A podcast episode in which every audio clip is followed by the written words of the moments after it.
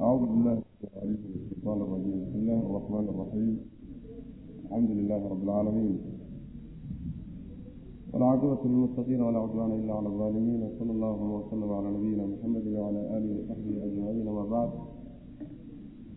فيقول سبحانه وتعالى ومن الناس من يقول أو الآخر وما هم بمؤمنين raajicuuna allaha waladiina aamanuu wamaa yaxdacuuna ilaa anfusahum wamaa yashcuruun suurat lbaqara ayaan ku soo dhex jirnay darsigeedii labaad ayaa wuxuu inooga bilaabanayaa aayadda sideedaad waxaan soo marnay oo soo sheegnay xalayto in ilaahi subxaana wa tacaala uu u qeybiyey dadka saddex qaybood. Qeybta hore oo mu'miniin ah oo laga soo warramay mabaadi'dooda iyo waxay rumaysan yihiin. Qeybta labaad oo kaafiriin ah ayagana laga soo warramay. Qeybta saddexaad oo munaafiqiin ah. Qoladii saddexaad ayaa marka waxaa ka bilaabanaysa aayaddan wa min annaasi man yaquulu aamanna billah ayaa warkooda laga bilaabay. Ilaa saddex iyo toban aayadood ayaa lagaga warrami doonaa. Wa min annaasi dadka ayay ka mid yihiin man yaquulu kuwo odhanaya aamanaa waan rumaynay billaahi ilaahay baan rumaynay kuwo odhanayaa dadka ka mid. Wa bilyowmi alaakhiri maalinta aakhirana waan rumaynay ayay odhanaya wamaa hum mana aynan ahaanin buu rabbi leeyahay bimu'miniina. Kuwo rumeeyey alle iyo maalinta aakhiratoona ma aha. Way odhanayaan way leeyihiin laakiin xaqiiqadu waxa weeyaan mayna rumaynin. Yukhaadicuuna waxa ay khadeecayaan ama inay khayaamaan isku dayayaan allaha alle iyo waladiina kuwii aamanuu rumeeyey. Wamaa yakhdacuuna maka khayaamayaan ilaa anfusahum nafafyaalkooda mooyaan wamaa yashcuruuna mana ay garanayaan arrinkaa isagaa ma dareensana nifaaqa waxaa la yidhahdaa. Yacni idhaaru alkhayri wa ibtaalu shari baa la yidhahda inaad wanaag muujisato oo dadka aada tusto lagaa arko. Hoostana aada shar iyo xumaan ku qarto. Taasaa nifaaq la yidhahda nifaaqu laba qaybood buu uqaybsamaa nifaaq ictiqaadiya iyo nifaaq camali ah. Ictiqaadiga waxa weeyaan ruuxu inuu islaamka guud ahaanba uusan diin ahaan iyo xaqnimo u ogolayn nebi maxamedna salawatullahi wasalaamu caleyh nebinimo uusan u ogolayn intaasi qalbiga ugu duuganta limaslaxa iyo dan ka tusay darteed dan uu ku ilaashanayo daraaddeed buu markaa muslimiinta ugu dhex jiraa oo salaada ula tukanayaa oo soonka ula soomayaa oo axkaamta daahirka ah dushiisa khayr baa ka muuqato muslim baad hoosta laakiin ma rumaysna waxyaalaha uu ku dhaqmayo diinta islaamkana ma rumaysna waxaa la yidhahdaa nifaaq ictiqaadi ah baa la yidhahdaa gaalnimada waa ka fogyahay kaas waa ku ilaahi subxaana wa tacaala ku tilmaamay ina almunaafiqiina fi darki alasfali min annaar kuwa iyagaa gaalada xataa iyaga ka hoosay nifaaqa labaad qeybtiisa labaad nifaaqa camali a la yidhaahdaa. Taasna macnaheedu waxa weye waxaa jira dhaqan iyo acmaal munaafiqiinta lagu yaqaano oon dadka mu'miniinta lagu aqoonin. Acmaasha iyo dhaqanka munaafiqiinta lagu yaqaano ruuxii mid ka mida sameeyaay wuxuu ku dhacay dhaqankii munaafiqiinta mid ka mid laakiin ma gaaloobayo ma uu gaaloobayo oo munaafaqi ictiqaadiga la mid nifaaqa ictiqaadiga la mid ma aha laakiin munaafiqiinta howlahoodii iyo shaqadii lagu aqoon jiray mid ka mida ayuu la yimid. Qaybtaasi marka waxay ka mid tahay min kabaa'ir dunuub. Dunuubtateeda ugu waaweyn buu ka mid tahay laakiin waxa weeyaan gaalnimo ma gaadhsiisna gaalnimo ma gaadhsiisna waxaa markaas yani waxa weeyaan yani soo gelaya sida beentoo kale. Calaamat lmunaafiqi alaaa nabigu sal lay slam waa kii lahaa yani munaafaqa calaamadiisii astaantiisu waa saddex. Idaa xadata kadaba markuu macnaha sheekaynayo waa been sheega. Haddii la aaminana waa khayaama dadka. Hadduu ballan qaadana ballanta kama soo baxo oo ballanta uu ka baxa waxaasoo dhan waa nifaaqa camaliga. Nifaaqa camaliga ee dunuubtiseeda waa weyn aweye laakiin nifaaqa ictiqaadiga waa gaalnimo weysa waxaa jira marka maka nebigu markuu joogay salawatullahi wasalaamu calayh wax munaafiqiina ma jirin madiine markii la yimid ayaa munaafiqiin bilowdeen nifaaqu markaasu bilow weliba waayihii hore ee nebigu uu madiine deganaa nifaaq ma jirin. Dagaalkii beder markuu dhacay oo muslimiintu ay ku xoogeysteen oo ku adkaadeen markaa kadib ayaa marka nifaaqu bilowday. Cabdullaahi ibnu ubay ibnu salool ninkaasaa bilaabay inta taariikhda la garanayo sababka keenayna waxaa islaamkii waa xoogeystay dowlad buu yeeshay dad badan baa marka maslaxa iyo dan waxay bideen inaysan mabda-an galaanna ma doonayaan. Inay dadkii ku dhex jiraanna waa doonayaan. Taasaa marka waxay keentay inay muujistaan islaamnimo hoostana gaalnimadooda ay ku qarsadaan cahdigii madanigaabay marka munaafiqnimadu bilaabay ilaahi subxaana wa tacaala marka aayaadka qur'aanka aada waxaa looga warramaa munaafiqiinta. Safkaa dhexe ee labada saf u dhexeeya aada baa looga warramaa. Sababka looga warramayo waxa weeye sidaan xaliba soo tilmaanay khatartooda ayaa aada iyo aada zaa'id ah. Khatarta ay leeyihiin baa zaa'id ah in loo naseexeeyo dadka muslimiinta astaamahooda iyo tilmaamahooda la baro. Ilaa qiyaami saacatay tilmaamaha ugu adeegsadaan munaafiqiinta macna. Wa min annaasi dadka waxaa ka mid ah man yaquulu kuwo odhanaya aamanaa waan rumaynay billaahi ilaahay baan rumaynay. Afkay ka odhanayaan. Afka ay ka odhanayaan laakiin qalbiga uma degana wa bilyowmi alaakhiri maalinta dambena waan rumaynay kuwo odhanaya dadka ilaahay subxaana watacaala markaa uu ka jawaabay. Inay hadal keliya iska yahay ee laakiin uusan qalbiga ku jirin hadalkaasi carabka keliya inuu leeyay afka baarkiisa ayuu alla subxaana watacaala marka sugay. Wamaa hum mana aynan ahaanin bimu'miniina kuwa rumaysan alle iyo maalinta aakhira midna maaha waa beentoodu. Idaa jaءaka almunaafiquun qaaluu nashhadu inaka larasuulu اllah wallahu yaclamu inaka larasuuluhu wallahu yashhadu ina almunaafiqiina lakaadibuuna kaleto yani markay nebigu yimaadaan sal alay waslam waxay ku dhaaranayaan inay rasuulnimadiisa iyo nebinimadiisa qirsan yihiin ilaahay baa rasuulnimadaada og ayaguna waa beenaalayaal rabbi subxaana watacaala marka dadka iyagaa yukhaadicuuna allaha marka wamaa hum bimu'miniina jumlada iyada ibnu jariiri tabari wuxuu u daliishaday in aysan weligood maalin maalmaha ka mid a aysan islaamnimadu iyo iimaanku qalbigooda gelin. Saasuu u wamaa hum bimu'miniina ibnu kasiir baa ku diidi doonaa insha allahu tacala sidaa inoo imaan doonto yukhaadicuuna allah halkaa marka waxaan ka garanay inay munaafiqiintu yihiin jinskii muslimiinta ku dhex jira. Iimaankana sheeganaya islaamnimadana sheeganaya bal masaajidii iyo shacaa'irtii ay ka muuqato laakiin waxa weeyaan qalbigooda ayuusan iimaanku u daadeganayn iimaanka saxda waxa weeyaan maa waqara fi lqalbi wasadaqahu alcamal.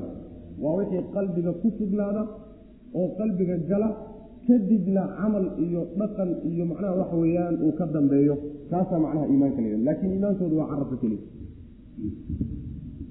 yukhaadicuuna waxa ay khayaamayaan isku dayaan inay khayaamaan allaha allay khayaamayaan iyo waladiina kuwii aamanuu rumeeyey yacni waxay iimaankii iyo islaamnimada u muujisanayaan qalbigana gaalnimada ugu qarsanayaan.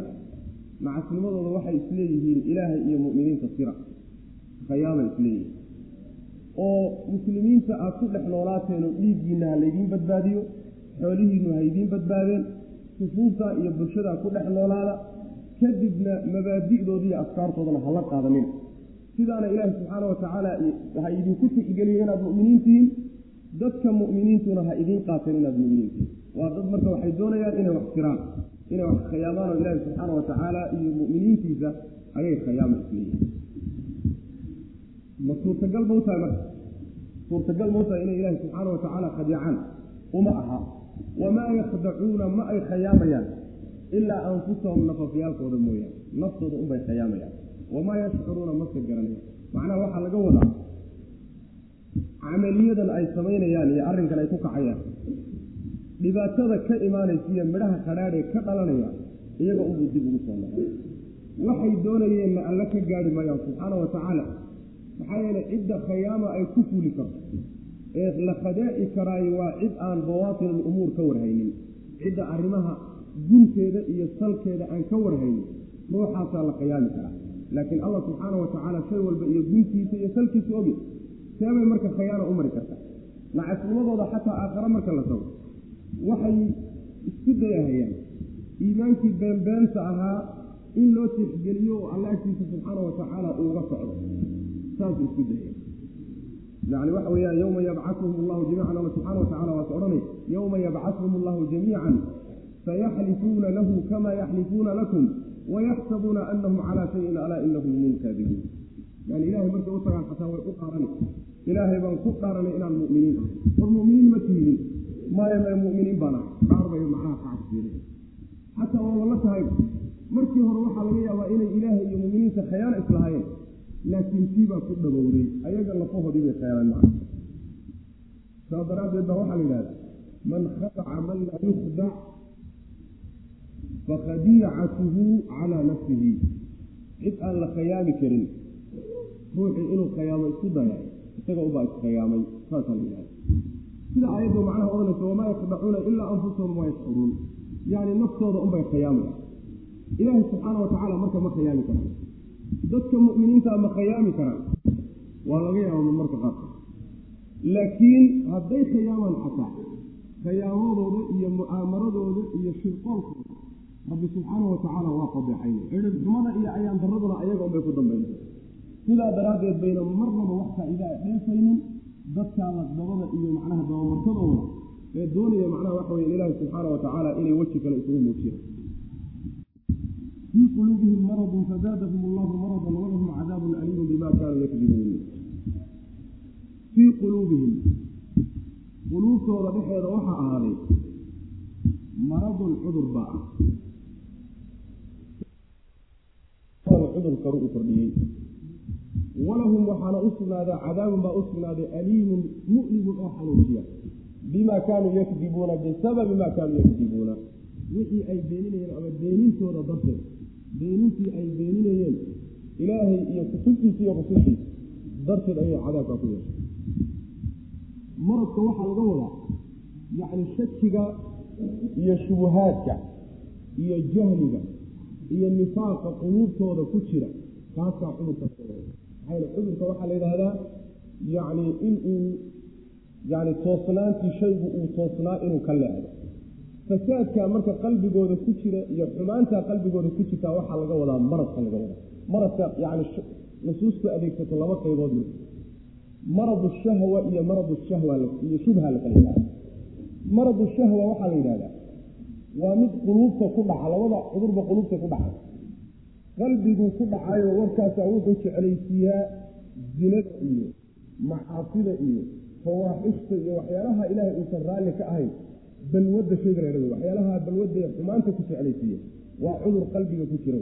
Maradu shahwa la yidhahda ayse ilaahi subxaana wa aayad kale uu ku yani markuu la hadlayay haweenka yani uu la hadlayay falaa takdacna bilqawli fayamaca aladii fii qalbihi marad maradkaasi waa maradu shahwa maradka qeybtiisa labaad maradu shubha la yidhaahdaayo waxaan daliil ahayn inuu daliil isuu kaa ekaysiiyo. Oo kufrigii kuu daliil iskaga kaa dhigo. Ama uu kuu qurxiyo oo uu kuu wanaajiyo bidcadii. Ama nifaaqii iyo shakigii uu kuu qurxiyo daliil iska dhigo. Kaasna waxaa la yidhaahdaa maradu shubha la yidhaahdaa. Oo haddaad aragto ruux macnaha bidcooyinka jecel yacni maradu shubha ku jira kufriga iyo shakiga nifaaqa ruux jecel haddaad aragto maradu shubha qalbigiisa ku jira. Labadaa maradba qalbigooda waa ku jiraano.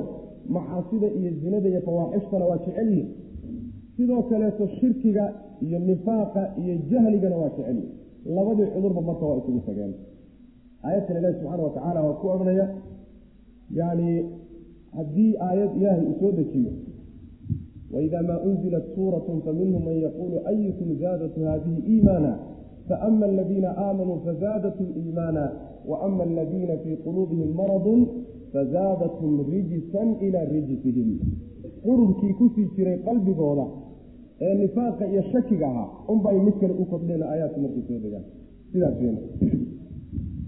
fii quluubihim quluubtooda dhexeeda waxaa ahaaday maradun ayaa ahaaday shaki sida ay ibn cabaas iyo keyrkii salafka mufasiriinta salafku fasirayaan. Shaki iyo shirki iyo nifaaq baa quluubtooda ku jira. Fazaadahum allahu ilaahay baa wuxuu u kordhiyey maradan buu u kordhiyey cudur.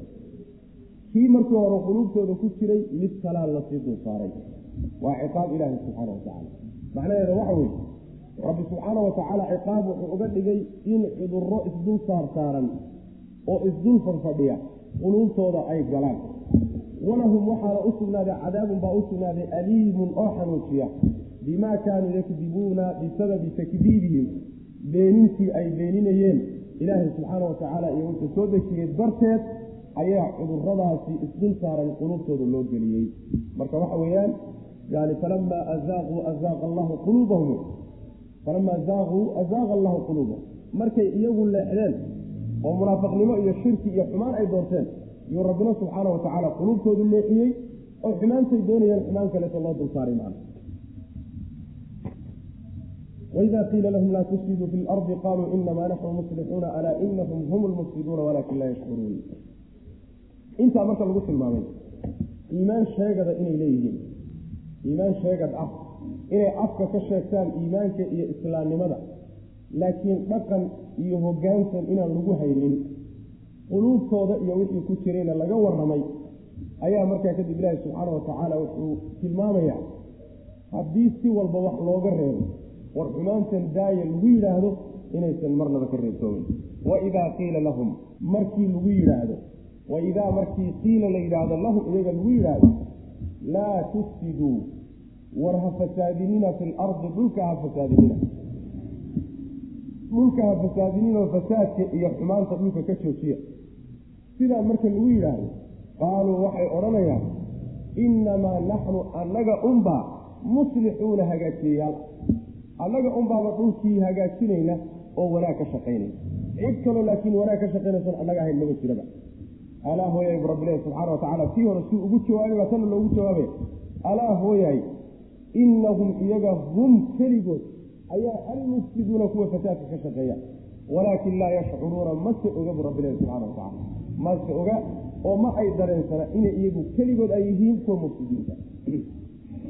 Macnaha munaafiqiinta marka la yidhaahdo waa dhulka fasaadka ka daaya oo xumaanta ka daaya fasaadka la sheegayo waxa weye waa kufriga iyo nifaaqa iyo shakiga iyo macaasidu waa fasaad fi lardi maxaa yeele ilahi subxaana watacaala dhulka waxaa lagu islaaxiyaa oo dhulku uu ku hagaaga oo ku wanaagsanaa daacada ilahi subxana watacaala tawxiidka iyo diimaha oo lagu dhaq diinta ilahay lagu dhaqmo subxaana watacaala baynamaa macaasida iyo kufriga iyo shirkigu fasaad ay keenaan fasaadka ay keenayaanna waxa weye yacni waxaa ka mida fasaadka munaafiqiintu ay gelayaan.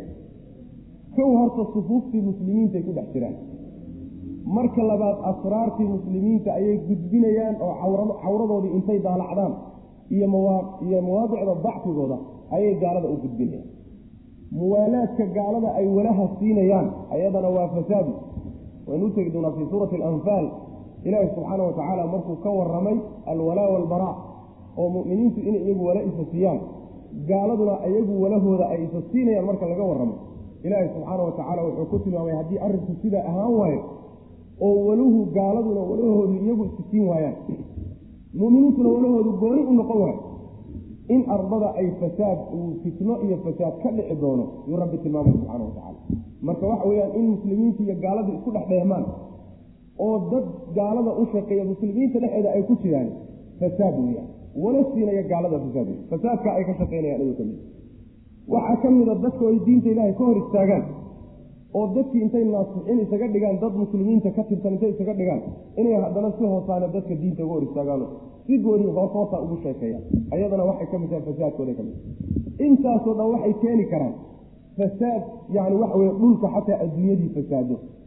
Oo macnaha waxa weyaan abaara dhacaan oo cudurra yimaadaan oo macnaha nabadgelyo la'aani timaado dhibaatooyinkaasoo dhan ilaa macaasiday ku timaada macaasiday ku timaada dahra alfasaadu fi lbari waalbaxri bima kasabat aydi innaas ilahay baa odhanaya subxaana watacala marka fasaadka ka joojiyo dhulka marka la yidhahdo waxay odhanayaan oo cid kaloo wax hagaajisamayaa jirtaba cid kaloo wanaag ka shaqaynaysan annaga aynima jirtaba bal meesha isgaadhsiiyeen u fir markii la yidhi war fasaadka joojiya jawaabtay bixiyeen waxay noqotay cid kaloo wanaag nala wadaagto maba jirto wanaag oo dhan ba anagu nagu ururtay kaas iyo kala dheeri sooma ilaahi subxaana watacala marka waa u jooga wuxuu yidhi keligood unbaaba mufsidiin. Ujeeda keligood fasaad oo dhan ayaga unbu isugu ururay. Cid kaloo la wadaagta fasaadna ma jirto rabbi subxana watacala laakiin casnimadooda iyo caqli daradooda ma ay garanayaan inay iyaga keligood mufsidiin yihiin oo arrinkiibaa iskaga darmaday. Sidaas wey macna. Waidaa qiila lahum markii lagu yidhaahdo laa tufsiduu ha fasaadinina fi lardi dhulka ha fasaadinina. Oo kufriga iyo macaasida iyo xumaanta ha ku fasaadinina qaaluu waxay odhanayaan inamaa naxnu annaga unbaa muslixuuna hagaajiyayaal annaga unbaa wanaag ka shaqeeyayaal ah oo wanaag ka shaqayna. Yacni waxa weeyaan markaa waxay u duurxulayaan saxaabada nebiga sal alay waslam iyo dadka mu'miniintii muslixiin mabahe waa mufsidiin bulshooyinka kale o dhanna waa mufsidiina muslixiin annaga u baca alaa hooyay inahum iyaga hum keligood ayaa almufsiduuna fasaadka kuwa ka shaqeeya iyaga u wey walaakin laa yashcuruuna. Mase ay garanayaanoo ma dareensana maxaa yeelay xaqii iyo baatilkii baa iskaga darmaday. Fasaadkii iyo iyo salaaxii baa iskaga darmaday. Khayrkii iyo sharkii baa iskaga darmaday. Waxan marka ay ka shaqaynahayaan iyo sacyigan iyo dadaalkan ay ku jiraan waxayba isleeyihiinba alalahay wanaag baad wadaan wixii baa marka iskaga dhex darmaday sidaa daraaddeed bayna u dareensaneen inay fasaad ka shaqaynayaan. Sidaasuu rabbi subxaana watacaala uu ku leey waidaa qiila lahum aaminuu kama aamana annaasu qaaluu anu'minu kama aamana asufahaa alaa inahum hum sufahaa walaakin laa yaclamuun yani waxa weeyaan sida macnaha waxa weyaan dad badan oo hadda bulshooyinka islaamka ka mid a. Oo runtii waxa weeyaan adyaanta diimaha in lala dagaalamo. Khaasatan diinta xaqa in lala dagaalamo diinta islaamka. Yani waxa weye aada isugu dhabarteginaysa qolyahan cilmaaniyiinta iyo dimuqraatiyiinta iyo qaar badan oo odayaasha ka mida iyo yani waxa weeyaan barnaamij waxay wataan la doonayo in lagu bedelo diinta islaamka oo bulshadii dhaqan looga dhigo oo xugum looga dhigo meeshay doonaan baa ayagu hay kala yimaadeen. Marka la yidhahdo war waxaan kadaati aakhariya adduun ummadda uma suubadee ka daayan annagaa cadaalad iyo sinaan iyo walaaltinimo iyo qarannimo iyo barwaaqo iyo kanaanu soo sidnaa adduun oo dhan iyo janno oo dhan baa macnaha waxa weye soo wadnaa bay ka odhanaya waa mufsidiin weye muslixiin maaha islaax bay sheeganayaanoo nin walba mabdi'iisa baatilka markuu doonayo inuu hirgeliyo wuxuu ku huwinayaa mara aada u qurux badan. Wajata shaati qurux badan buu kuugu gelini si aada ugu kadsoonto waxayna ka mid tahay talbiisaatu shaytaan bay ka mid tahay. Ibliiska markuu nabiyullaahi aadam uu geeda cunsiinay yani waxa weeyaan istiraatiijiyadaas u maray. Jidkuu ka soo galay halkaas qolyahan hadda abaanisadee shayaaiinul insiga iyaguna markay mabaadidooda doonayaan inay tarwiijiyaan oo suuq geliyaan shaati noocaasoo kale idinku gelinaya. Waa in marka lagu baraarugo oo mabaadidaasoo kale dadka wataay inay yihiin dadka mundasiinta ah ee bulshada islaamka lagu dhex qariyay inay yihiin macna. Sida waa in la ogaado. Waidaa qiila lahum markii lagu yidhaahdo aaminuu rumeeya kamaa aamana annaasu. Dadku siday u rumeeyeen oo kale. Dadku waa saxaabada nebiga sal alay wasalam dadkaasi iimaankay la yimaadeen oo qalbiga iyo dhaqanka oo iswata ah. War iimaankaasoo kale la yimaada marka la imaado marka lagu dhaho qaaluu waxay odhanayaan anu'minu miyaanu rumaynaynaa. Kamaa aamana siday u rumeeyeenoo kale assufahaau wax magarad kuwa caqlilaawayaasha ee waxba garanayna sufahada iimaankoodoo kale miyaan miyaanu rumaynayna alaa hooyaay ilahi baa u jawaabay subxaana wa tacaala. Alaa hooyaay inahum iyaga hum ayaga keligood ayaa assufahaau wax magarad walaakin laa yaclamuuna mase ay garanayaan rabbilahi subxana wa tacala yacni markii inta loo naseexeeyo la yidhaahdo war iimaanka ay saxaabada nebi maxamed salawatullhi wasalaamu caleyh rumeeyeen oo kale rumeeya muminiinta xaqa iimaankooda kale la imaada waa iimaan qalbiga iyo carabka iyo xubnihii oo dhaqankii la yimaada iyo camalkii oo iswata wey. Iimaankaasoo kale la imaadee afka baarkiisa iimaanka iska dhaafa marka la yidhahdo waxay odhanayaan kuwaasi sufahawe wax magarad ma kuwa wax magaradka ah iimaanka ay la yimaadeenoo kale lagu yeedhaysa. Caqlilaawayaasha ah safiiha waxaa la yidhaahdaa aljaahilu aldaciifu alra'yi alladii laa yacrifu min almadaara min almanaafic waxaa la yidhahda ruuxa jaahilka ah ee weliba caqligiisu aada u daciifka u yahay. Aan kala aqoonin waxa dhibaya wax anfacay. Safiih baa la yidhahdaa marka saxaabada nebiga sal ly slam iyo dadka mu'miniinta xaqa abaa waxay ku leeyihiin waa sufaho sufaho maxaa ka dhigay? Maxaa yeelay iimaan bay la yimaadeenoo wadamadoodii bay ka tageenoo maxamed oo keligii ah. Oo macnaha waxa weye inuu halaagsamaya ay iska qorataan iska raaceeno ilaa aakhir. Sifaataas xoolahoodii iyo waxoodii o dhan bay meeshan ku bixinayaano. Adduunkii o dhan bay isku taageenoo macnaha wa iyagu waxba haysanino caqli darrada halkaasi marka kaga keenay. Kuwa caqliga la iimaankoodo kale miyaad doonaysaa inaan rumaynin o dhan ilahay baa subxana watacala marka u jawaaba wuxuu yidhi iyaga unbaa sufaa wax magaradka aan caqliga lahayn ee wax dhibaya iyo wax anfacaya aan kala garanaynin. Ma u jeedaa yacni caqligoodana dacfi ku jira jahliguna u weheliyo waa munaafiqiintu rabbi leeyahay subxana watacala keligoodii laakiin nasiib xumo ma ay garanayaan. Waidaa qiila lahu markii lagu yidhaahdo aaminuu rumeeya kamaa aamana annaasu iimaanan ka iimaani innaasi iimaan oo dadka iimaankiisaoo kale a rumeeya. Dadku iimaankay la yimaadeen oo kale rumeeya marka lagu yidhaahdo. Qaaluu waxay odhanaynaa anu'minu miyaanu rumaynaynaa kamaa aamana siday u rumeeyeen oo kale assufahaau kuwa wax magaradka ah ee caqligooda dacfiga ku jiro alaa hooyaay inahum iyagu munaafiqiintaasi hum iyaga keligooda ayaa assufahaau wax magarad ah walaakin laa yaclamuuna mase ogabu rabbileeya subxana wa tacala oo isma garanayaan waa ismoog yihiin macnaha وإذا لقوا الذين آمنوا قالوا آمنا وإذا خلوا إلى شياطينهم قالوا إنا معكم إنما نحن مستهزئون allahu yastahziu bihum wayamuduhum fii tuqyaanihim yacmaduun yani misaalkaasoo kale waaqaca maanta haddii aada la aadaan waxaad yani waxa weeyaan heli kartaan dad aada u fara badan oo markay yidhahdo war diinta ilahi subxaana wa tacaala si buuxda u qaata dhaqan ahaan u qaata dastuur ahaan u qaata qaybaha nolosha oo dhan iyadu haydin maamusho waxay mabaadi'dan gaale ee daba ordaysaan iska daaya marka la yidhahdo waxay odhanayaan oy ku tuhmayaan taasi inuu yahay mabda'a asal raac dadka asal raaca la yidhahdo ama buglo duulka la yidhahdo ama macnaha waxa weye mara ku-dhegta ay yidhaahdaan yacni isilaaxaadkaa dadka lahoo kale waa dad sufaha oo caqli aan lahayn oo adduunka maanta aan la soconin oo bohol iyo haadaan iska tuuraya sidaasay ka odhanaya sidaa daraaddeed kuwaasi diinta ay haystaan diin lala geli kara maa nafsu shay aayaduhu kama hadlayaan uun keliya sufahadii halkaas waaqic kasta oo dusha ka saartahay miisaallo fara badan oo macnaha waxa weye kuugu dhadaqmaad keenaysaa macna. Waidaa laquu haddii ay la kulmaan alladiina kuwii hadday la kulmaan aamanuu rumeeyey mu'miniintii markay la joogaan oo la kulmaan qaaluu waxay odhanayaan munaafiqiintu aamanaa waan rumaynay. Mu'miniin baa nahay bay odhanayaan.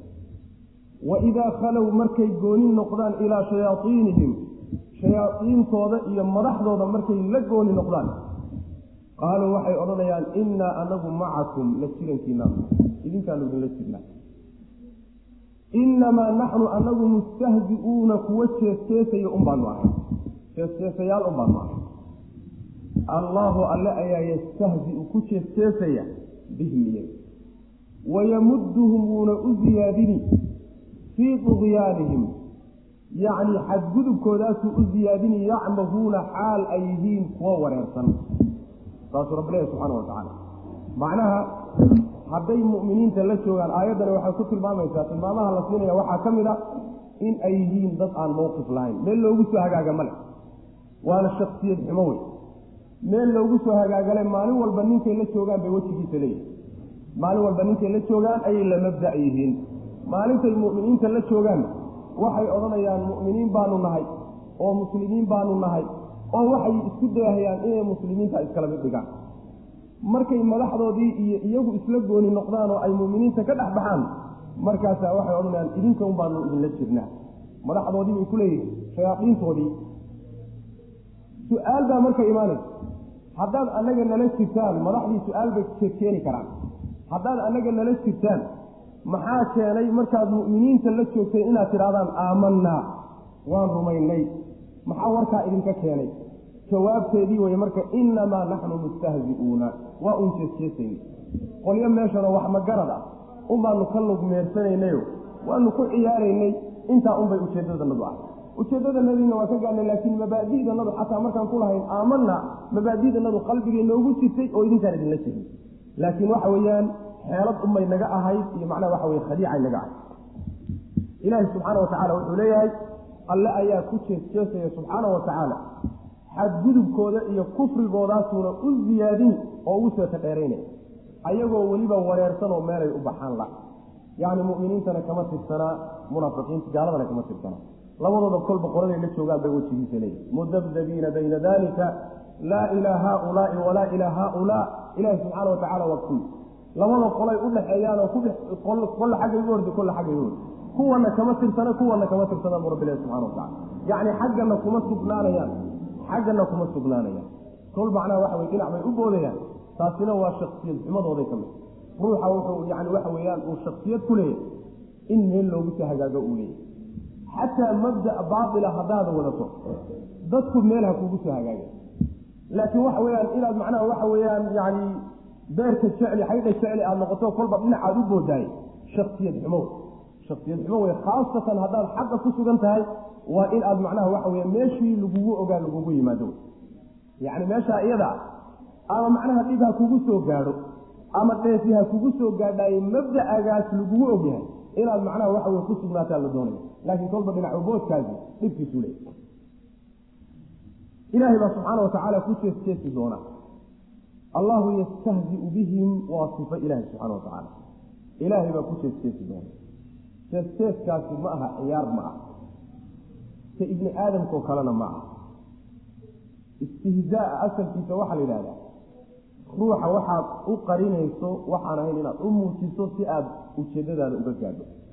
Qasadkaaga si aad uga gaadho waxa aad u muujinayso waxaan inaan qalbiga ugu hay istihzaaga marka ciyaar ciyaarta ibni aadamka ka ilaahay subxaana watacaala la mid ma istihzuu wuxuu ka mid yahay sifaatka ilaahay ee sifaatu lafcaal la yidhahdo sifa ficliyo ilaahay subxaana watacaala wuxuu sameeyaa markuu doono qaabkuu doonana rabbi waa u sameeya subxaana watacaala sidaa in lagu nabadgeliyo oo sidaa lagaga gudbo ayaa ku fiican. In laakiin sifadaa la diido la yidhahdo ilaahay ma jeeseeso tootali oo meesha laga wada saaro ama macno kale lagu ta'wiiliyaayo macnahaasi macno macnaha salafkii iyo saxaabadii iyo taabiciintii a'imadii yani macno laga soo guuriya waa macno khaladow istihzaaga waa in sidaa ilahay loogu sugo subxaana watacaala laakiin la raaciyo waa istihzaa ilaahay u qalmo subxaana watacaala laa'iq billahi subxaana watacala ka addoommadoo kalena marnaba aan ahayn yani qaybo ka mido ilahi subxana watacala meelo ka mida qur'aan ku sheegay. Istihzaaga masalan lagu samayn doono waxaa ka mid aakhar markii la tago. Yani ilaahi subxaana watacaala dadka mu'miniinta iyo iyaga ayaa nuur la wada siinaya suurat alxadiid baan ugu tegi doonaa insha allahu tacala marka nuur la siiyo dhexda la sii socda iyagoo koori waa ka damaya kii mu'miniinta bastaa soo hadhaya markaasay arkayaan mu'miniintu iftiinkoodii sii iftiimay. Markaasaa waxay odhanayaan induruuna naqtabis min nuurikum. Na soo fiiriya aanu idinka dhuxul qaadanno. Iftiinkiina aanu wax idinka qaadanna dib noo soo fiiriya maxaa lagu odhanaya qiila irjicuu waraa'akum faltamisuu nuura dib u noqdo adduunyadii ku laabta oo halkaa nuur ka soo raadiya iyo iftiin baa la odhanaya soo tahakum ma ah. Ma adduunyay u noqon karaan? Adduunya uma noqon karaan. Waa tahakum wey waxaa ka mida ilaahi subxaana watacaala qaababka ugu jeeseesaya waxaa ka mid adduunka mar hadday aamanaa dhaheen axkaamtii sharciga lagu dureerinaya oo ruux muslim oo kalea looga dhaqmaya. Salaadii bay tukanayaan dhiigoodaa la nabadgelin xoolahoodaa la nabadgelin. Ujeeda axkaamta dadka muslimiinta ku dureeraysa ayaa ku dureersanaysa taasi ilaahi subxaana watacaala marka waa qaab istihzaaga ka midoo waxoogaa waxay ku katoomayaan ismoodayaan in sidaaba raalli looga markay geeriyaadaan oo dhintaanna xaqiiqatu lamri bay u tagayaan wax imaana inay gacan ku hayo waa nooc istihzaa ka mid. Istihzaaga waxaa ka mid ilaahi subxaana watacaala uu ku samaynayo yacni seeka dhareynta barwaaqadan ayagoo gaalo ah oo uurka gaalo ka ah. Haddana ilaahi subxana watacala barwaaqada uu siinayo caafimaadka uu siinayo carruurta la siinayo yani waa isku iloobaya gooray isleeyihiin raalli baa laydinka noqday ayaa meel kale laga qabanay istihzaa tahakum way isaga lafti anwaacdaasoo dhan macnaha waxa weye anwaacu istihzaa ayaa la odhan karaa. Waana sifo ilaahi subxaana watacaala u qalanta. Sidaa daraaddeed ayo ibnu cabaas wuxuu leeyahay yaskharu bihim linniqmati minhum. Yani waxa weeyaan wuu ku jeesjeesay rabbi subxaana watacaala aargoosi uu ka aargoosanaya darteed ayuu rabbi ugu jeesjeesayaa sidaa in marka lagu daayo sifada iyadaabay ku fiican tahay oon la ta'wiilin bal waajib wey sharci ah waidaa laquu hadday la kulmaan alladiina kuwii aamanuu rumeeye qaaluu waxay odhanayaan aamanaa waan rumaynay waidaa khalow hadday gooni noqdaan ilaa shayaaiinihim shayaaiinta waxaa laga wadaa bimacnaa kubaraa'ihim wa ru'asaa'ihim madaxdoodii hadday la gooni noqdaan sidaana ibnu cabaas iyo sudi iyo qolyada baa ku fasiray waidaa khalow hadday gooni noqdaan ilaa shayaaiinihimna qaaluu waxay odhanayaan innaa anagu macakumna jirankiinana idinka unbaan idinla midnahay oo wax idinla wadaagnaa innamaa naxnu annagu tani jawaab waxay u tahay su'aal muqadar ah oo laga weydiin lahaa maxaa mu'miniinta idin geeya haddaad annaga nala mactiin innamaa naxnu annagu mustahzi-uuna jeesjeesayaal u baan ahay waanu jeesjeesayno waan ciyaarayno kuwanaan ku ciyaarayna mooye yani waxa weya dhab nagama ahay allahu alle ayaa yastahzi ku jeesjeesi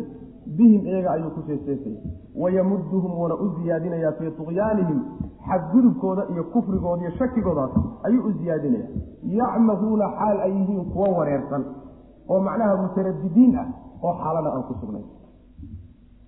Ulaaika aladiina ishtarau dalaalata bilhuda famaa rabixat tijaaratuhum wamaa kaanuu muhtadiin. Ulaaika kuwa aladiina kuwa wey ishtarow iibsaday addalaalata baadida kuwa iibsaday. Bilhudaa hanuunku iibsaday. Hanuunkiibay ka wareejiyeen. Baadidiibayna la soo wareegeen famaa rabixat ma aysan faa-iidin. Tijaaratuhum tijaaradoodii maysan faa-iidin. Wamaa kaanuu mana aysan ahayn muhtadiina kuwa hanuunsan oo qumanna maysan ahayn. Markay tijaarada gelayeen waxaa ilaahi subxaana watacaala uu ku misaalinayaa yacni nicitaanka ay iimaankii iyo islaamnimada naceen iyo doorashada ay doorteen beddelkii iimaanka ay doorteen kufriga shakiga iyo baadinimada ay doorteen. Ayaa waxaa lagu misaalinayaa sidii niman wax iibsaday oo kaleto suuqa intay tageen oo gorgortan galeen. Markaa kadib iibsaday oo lacag ahaan waxay isaga bixiyeen hanuunkii iimaankii islaamnimadii bay lacag ahaan u dhiibeen. Waxay la soo wareegeen oo badeecada ay soo dhaafsadeen ay noqotay oy la soo wareegeen. Waxa weeyaan waa kufriga iyo shakiga iyo nifaaqa wuxuu rabbi subxaana watacaala marka leeyahay ganacsigaa ay galeen iyo macnaha caqdigaa ay galeen heshiiskaa ay galeen iibkaa ay galeene miday ku guulaysteen ma aha bu rabbi ilahi subxana watacaala waa mid ay ku khasaareen maxaa yeelay laba shay oon isu dhignin bay isdhaafsadeen shay aada u qiimo liita. Iyo shay kii ugu qiimo badnaa wax jiraba ah. Labadaa shay bay isdhaafsadeen wax jira shaygu ugu qiimo liitay. Iyo wax jira shaygu ugu qiimo badnaa.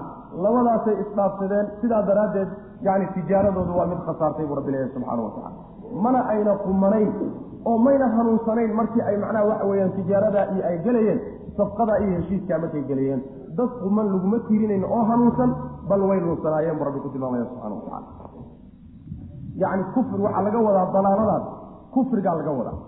Hudaagana iimaanka laga wadaa sida ibnu cabaas uu leeyahay sidaas weyaan macna. Ulaaika kuwaasi alladiina kuwa weye ishtarow iibsaday addalaalata. Waxay markaa aada moodaa markii hore inay iimaan ay haysteen oo lacagta jeebka ugu jirtay iimaan uu ahaa shirkiga iyo kufriguna uu ka maqnaa. Markaa kadib tii ay haysteene mulkigooda ku jirtay ay iska wareejiyeen tu kaleeta ay la soo wareegeen. In ay iimaan heleen oy rumeeyeen kadibna ay gaaloobeen oo markii hore iimaanku qalbigooda galay ra'yiga ibnu kasiir iyo qolyale baa rajaxaya aayad qur'aanka ka midna way kutusaysaa ilaahi subxaana wa tacaala uu ku tilmaamayo yacni in ay yani ay mar ay iimaanku qalbigooda galay kadibna ay iimaankii ka laabteen. Kadibna inay iimaankii ka laabteen. Ayib ibnu jariir itabari isagu wuxuu leeyahay marnaba ma aysan rumayninoo iimaan qalbigooda ma gelin.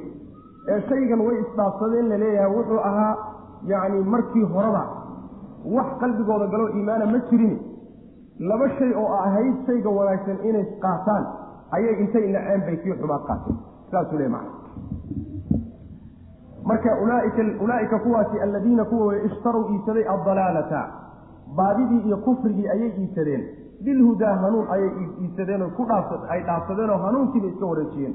Famaa rabixat ma aysan mayna ribxin oo maysan faa-iidin tijaaratuhum tijaaradoodaasi maysan faa-iidin. Yacni heshiiskaa ay galeen iyo iibkaasi mid lagu faa-iiday ma ah. Wamaa kaanuu mana ayna ahayn. Muhtadiina kuwa hanuunsan maynan ahayn yani waxa weeya khasaare ka weyn ma jirto. Intaad gaalnimo iyo kufri iyo shirki la soo wareeji iimaan iska wareeji waa akbaru khasaara oo ibni aadamku galo wey khasaare ka ugu weyn oo la galo weeyaan. Mahaluhum kamahali aladi istawqada naaran falama adaa'at maa xawlahu dahaba allahu binuurihim watarakahum fii dulumaati laa yubsiruun. Waxaa lagu khatimayaa warankii laga warramayo munaafiqiinta laba miisaaloo ilaahi subxana wa tacala uu samaynay miisaaladu waxay ka mid yihiin asaaliibta qur'aanku uu wax u caddeeyo. Yacni waxa weeyaan shayga macno qarsoon markuu yahay. Shay la yaqaano ayaa macnahaas loo ekeysiinaya si ay suuradu u caddaato oo loo fahmo. Misaalka saasaa la yidhahda shay baa shay lagugu ekeysiin ka la doonayo in lagu fahamsiiyaayo macnihiisu waa yaro qarsoon yahay kan laakiin lagugu fahamsiinayo ee lagu shabahayo loo ekeysiinaya macnihiisu kuu cadday suurada markaa waxaa kuu soo baxaysa inay aada kugu caddaato asaaliibta qur'aanku u adeegsadee bayaanigaabay ka mid yacni ilaahi subxaana wa tacala waa ka aayad qur'aan ka mida ku leh wa tilka alamhaalu nadribuha linnaas wamaa yacqiluha ila alcaalimuun yacni miisaaladaas qur'aanka dhexdiisa dadkaan ugu samaynayna laakiin dadka cilmiga le keliyata unbaaba fahmayu rabbilahi subxana wa tacala dadka cilmiga leh unbaa miisaalada fahmi laba miisaal baa marka lagu caddeeyey nimankaa munaafiqiinta oo aada looga soo warramay. Yaa laba miisaal arrinkooda lagu gebagabeeyey oo lagu caddaynayo. Yacni waxa weeye xaaladda ay ku sugan yihiin dhibkahay mahaluhum masalkoodu ka mahali aladii kii masalkiisoo kale wey istawqada hursaday naaran dab hursaday dab buu shitay. Falamaa adaa'at markay ifisay dabkii markay ifisay maa xawlahu wixii hareerihiisa ahaa. Isagoo mugdi ku jiru dab shitay dabkii markuu dhinacyadiisa wixii ahaa oo dhan iftiimiyey. Yudahab allaahu ilaahay wuxuu la tegay binuurihim iftiinkoodii buu ka qaatay wa tarakahum wuxuuna ku reebay oo uu kaga tegey fii dulumaatin mugdiyaal dhexdood laa yubsiruuna xaalayn waxba arkayn summun weeye islamarkaa haddana hum iyagu summun waa kuwo dhagala. Bukm weeye kuwo afla oo aan hadli karin. Cumyun weeye kuwo indhala oo waxba arki karin. Oo fahum iyagu laa yarjicuuna kuma laabanayaan. Ma ay ku noqonayaan meeshay ka tageen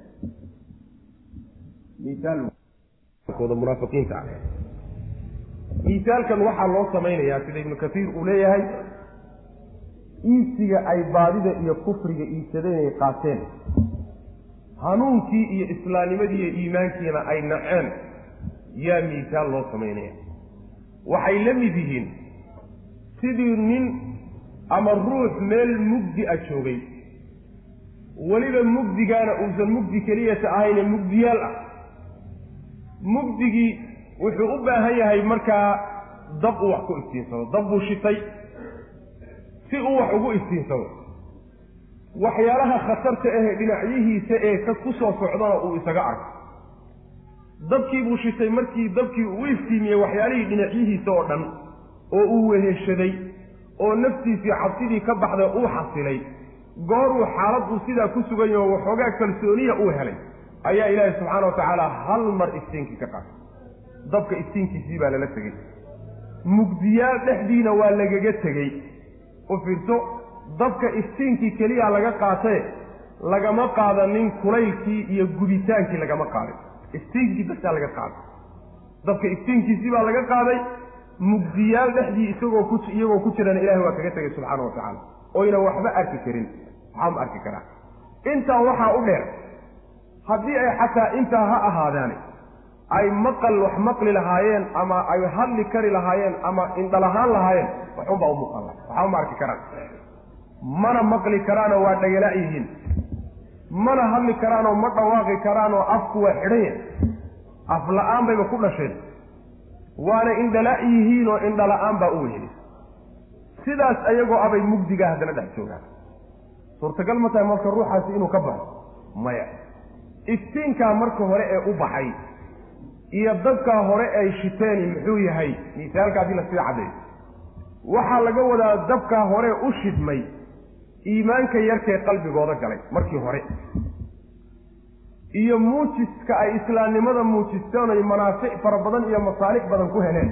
Dhiiggoodii oo lagu ilaaliyey xoolahoodii oo loogu nabadgeliyey muslimiintii bulshadu ka mid noqdeen haniimadii oo qayb laga siiyey dhaxalkii oy wax dhaxleen haweenkii oo laga guursaday loona guuriyey ma u jeedaa masaalixdaa wey marka nuurka u baxay. Waa adduunka. Nuurkaasi yarka ah ee u baxaya markay dhintaan oy geeriyoodaan oo adduunka ay ka tagaan waxa weeyaan nuurkii waa damay. Mugdi bay marka galeen. Qabriga mugdigiisii yacni nuur yacni waxa weye cadaabka iyo naarta mugdigeedii halkaasaa marka mugdi uga bilaabanaya. Ra'yigaas waxaa qaba ibnu cabbaas iyo qataada iyo xasan yani xasan albasri iyo qolo macnaha mutaakhiriinta mufasiriinta ka mida ayaa qaba. Ra'yigaa isaga. Qolada kale waxay leeyihiin ibnu katiir uu ka mid yahay waxay leeyihiin waxaa laga wadaa miisaalku uu ku socdaa waxaa laga wadaa iftiinka hore u baxayo dabkan ay shiteeni waa iimaan baa qalbigooda galay. Qalbigoodu iimaan galay iimaankaa qalbigooda galay markuu galay kadib bay haddana gaaloobeen. Iftiinkii hore marka wuu ka damay adduunkiiba iyagoo joogo aakharaba aan gaadhin bay kufri iyo shaki iyo dulumaadkii jahliga ayay galeen buu leeyahay. Ra'yigaas ibnu jariiri tabari ayaa diidanoo wuxuu leeyahay maalin maalmaha ka mida qalbigooda iimaan ma gelin. Ujeeda yani waxa weye dalika biannahum wuxuu deliishanaya ibnu katiir dalika biannahum aamanuu uma kafaruu fatulica calaa quluubihim in iimaan markii hore laga helay kadibna ay gaaloobeen oo gaalnimadu ka dambaysay kadibna quluubtoodiiba la quflo la xidhay. Marka iimaanka hore ee qalbigooda galay iyo garashada xaqa ay garteen way iftiinka u baxay kadibna waa gaalnimada ay doorteen iimaanki iyo iftiinkiina waa ka tageen. Misaalka sidaasaa macnaha wax weeyaan ay ku fasirayaan. Culimada mufasiriinta masaluhum masalkoodu ka masali aladii kii miisaalkiisoo kale wey. Istawqada hursaday naaran dab huriyey dab buu shitay. Falamaa adaacat markay ifisay dabkii maa xawlahu waxa hareerihiisa markay ifisay. Ayuu dahaba allahu ilaahay wuxuu la tegey binuurihim nuurkoodii buu qaaday iftiinkii buu ka qaaday.